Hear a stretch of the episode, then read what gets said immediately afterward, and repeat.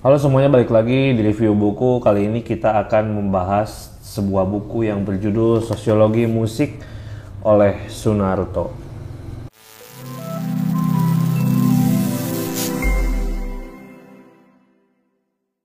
Di bagian awal di sini dibahas tentang pengantar uh, ilmu sosiologi di mana banyak uh, pendapat dari berbagai tokoh tentang sosiologi dan juga seni di mana letak kontribusi musik dalam kehidupan sosial budaya yang kompleks itu. Kemudian ada salah satu tokoh Arthur Schopenhauer uh, yang bilang seni paling abstrak ya musik. Di sini juga ada sedikit perbedaan dua pandangan secara umum, di mana yang pertama sosiologi musik hanyalah prinsip sosiologi umum yang diterapkan pada musik sebagai objek pendekatannya, di mana musik itu adalah sebagai objek pendekatannya. Kemudian perspektif yang digunakan adalah berdasarkan teori atau disiplin ilmu uh, sosiologi. Kemudian yang kedua, sosiomusikologi itu meneliti peran sosial musik, musisi dan lembaga musik dari dalam. Ini yang sangat erat kaitannya dengan sosiologi di mana seperti yang kita tahu sosiologi adalah disiplin ilmu yang uh, mempelajari tentang perilaku dan interaksi manusia baik secara individu, kemudian uh, masyarakat dan juga ketika kita bicara tentang musik sebagai objeknya berarti peran sosial musiknya, musisinya, dan juga lembaga musiknya. Sosiologi dipahami sebagai ilmu sejarah dan konstitusi sosial manusia. Itu adalah pemahaman dari Auguste Comte dan di awal bercerita tentang disiplin ilmu secara umum uh, oleh uh, beberapa pakar sosiologi seperti Karl Marx, Weber, dan juga Durkheim. Kemudian kita lanjut ada pemahaman tentang sosiologi of art. Sebetulnya dipakai untuk kependekan dari sosiologi seni-seni karena ada literatur di situ. Subdisiplin sosiologi ini selalu bias untuk dianalisis dan ditarik sejajar, seperti katakanlah musik dan novel dengan konteks sosial atau politiknya berbeda.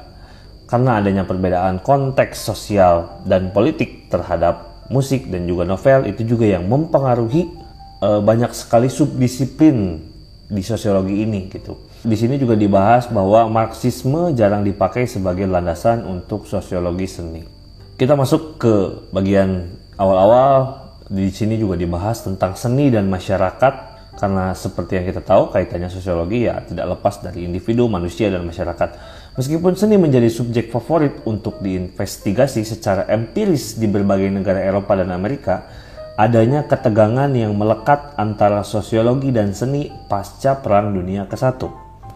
Jadi artis selalu percaya ke keunikan si pencipta, tapi ilmuwan sosial menarik prestasi dan peran seniman di masyarakat sejauh mana dia born daripada made dengan konseptualisasi karya artistik sebagai produk kolektif bukan individu. Setelah sekitar pasca Perang Dunia Kedua, barulah seni dianggap vital dan penting di masyarakat pandangan sosiologi terhadap seni ini sendiri gitu di masyarakat ini berubah uh, seiring berjalannya waktu gitu ya. Karena kita tarik mundur di sejarah bahwa para sosiolog ini atau para pakar sosial ini mencoba menarik sejauh mana seniman itu born daripada made. Apa yang aslinya gitu sebagai seniman itu dia itu perilakunya seperti apa dan kemudian apa yang made gitu apa produk apa gitu yang dia hasilkan sebagai seorang manusia dan juga sebagai seorang seniman gitu. Seni sebagai istilah kolektif untuk berbagai macam produk estetika termasuk sastra seni visual dan musik. Jadi dalam istilah uh, sosiologi produk kolektif gitu ya. Jadi apa yang dihasilkan oleh manusia sebagai produk kolektif gitu itu yang menjadi perbedaan pandangan ketika kita bicara seni, musik menggunakan kacamata atau sudut pandang dari ilmu sosial atau sosiologi. Sosiologi seni, pendekatan sosiologi pada seni mampu menunjukkan kesinambungan dan hubungan kelas, perkembangan dan perpisahan antara seni tinggi dan budaya populer dan mengungkap sisi problematik dan konsepsi-konsepsi seni yang dimiliki oleh mereka yang mendukung dan membiayai seni termasuk masyarakat secara keseluruhan. adanya kesinambungan dan hubungan antar kelas di sini jelas ketika kita bicara sosiologi juga berbicara tentang kelas ya kelas-kelas di masyarakat. Ada istilah seni tinggi dan budaya populer yang eh, rasanya ada dikotomi di antara kedua ini. Jadi seni tinggi itu seperti apa? Apakah kita bicara tentang kontemporer atau budaya populer ini adalah budaya yang memang kelas menengah ke bawah, pengakuan akan sifat interdisipliner dari sosiologi seni memasukkan karya kritikus-kritikus dan ahli sejarah termasuk dari feminis di mana jawaban atas mengapa tidak ada seniwati besar dikarenakan hal itu bersifat sosiologis dan sosiohistoris. Selain adanya dominasi ideologi patriarki dalam representasi artistik, bagaimana cara menampilkan wanita dan laki-laki dalam seni dan literatur dipengaruhi oleh posisi-posisi nyata mereka dalam masyarakat serta ideologi yang mempertahankannya.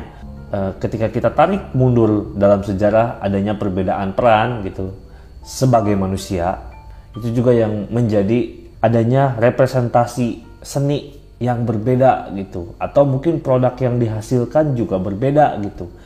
E, cenderung mungkin lebih banyak laki-laki ketimbang perempuan itu yang juga yang menjadi alasan karena memang secara umum peran sosialnya ketika ditarik lagi memang berbeda. Musik dalam sosiologi hanya dianggap bunga marginal jadi subjek yang dikesampingkan. Ini dari sudut pandang e, para sosiolog ya ilmu sosial.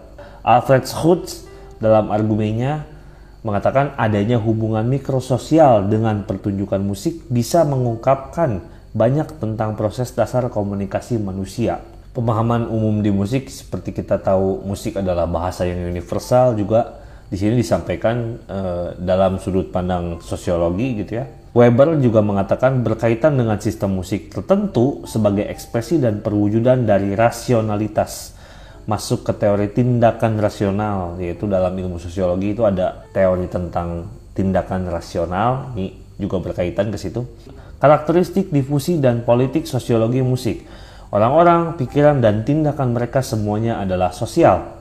Tidak ada yang terjadi dalam kehidupan manusia yang berada di luar ranah sosial termasuk ketika kita bicara tentang produk seni yang dihasilkan oleh manusia itu adalah bagian dari uh, ilmu sosial gitu karena pengaruh budaya borjuis modern, musik dan masyarakat diangkat menjadi dua entitas yang berbeda. Ini juga yang merupakan alasan kita mendapati ada redaksi tentang musik atau seni tinggi. Bagaimanapun ini adalah pengaruh uh, tentang kelas-kelas sosial di masyarakat yang membuat uh, musik ini uh, teridentifikasi menjadi seni tinggi atau budaya populer atau mungkin folk atau mungkin perbedaannya musik. Musik sebagai makna sosial.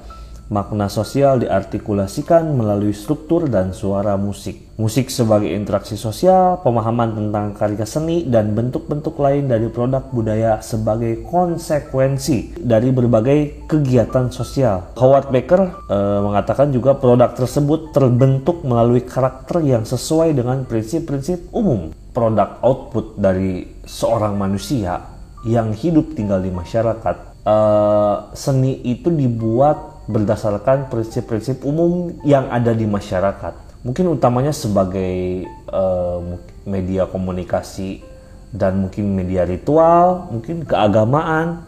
Sebelum akhirnya mungkin jadi uh, seni yang mungkin uh, abstrak dan kontemporer gitu sebagai bentuk perkembangannya. Karena pasti dimulai uh, dengan karakter yang sesuai dengan prinsip-prinsip umum. Gitu. Musik sebagai identitas sosial. Identitas di sini adalah identik dengan peran sosial.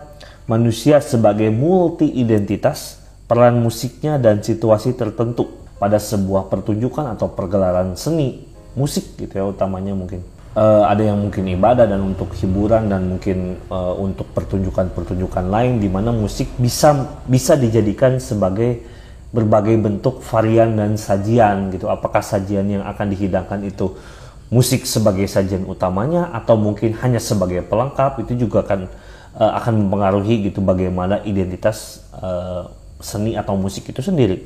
Musik sebagai proses komersil dan industri. Praktek musik telah menjadi semakin komersil dan industri, mengubah yang tadinya live dan lokal menjadi global, impersonal, dan keluar dari ruang dan waktu ditambah dengan maraknya teknologi dan internet. Ini juga mempengaruhi bagaimana uh, masyarakat atau hubungan sosial di antara kita juga terpengaruh oleh perkembangan seni uh, seperti keluar dari ruang dan waktu mungkin kita bisa mendengarkan uh, musik itu sendiri kapan saja juga karena pengaruh teknologi dan internet ini juga yang sangat mempengaruhi ketika kita bicara tentang sosiologi ini juga sangat mempengaruhi tentang hubungan sosial di antara kita di mana ketika ada sebuah pergelaran seni itu adalah media di mana kita bisa berinteraksi secara sosial dengan uh, dengan manusia lain gitu atau dengan sekelompok grup lain gitu.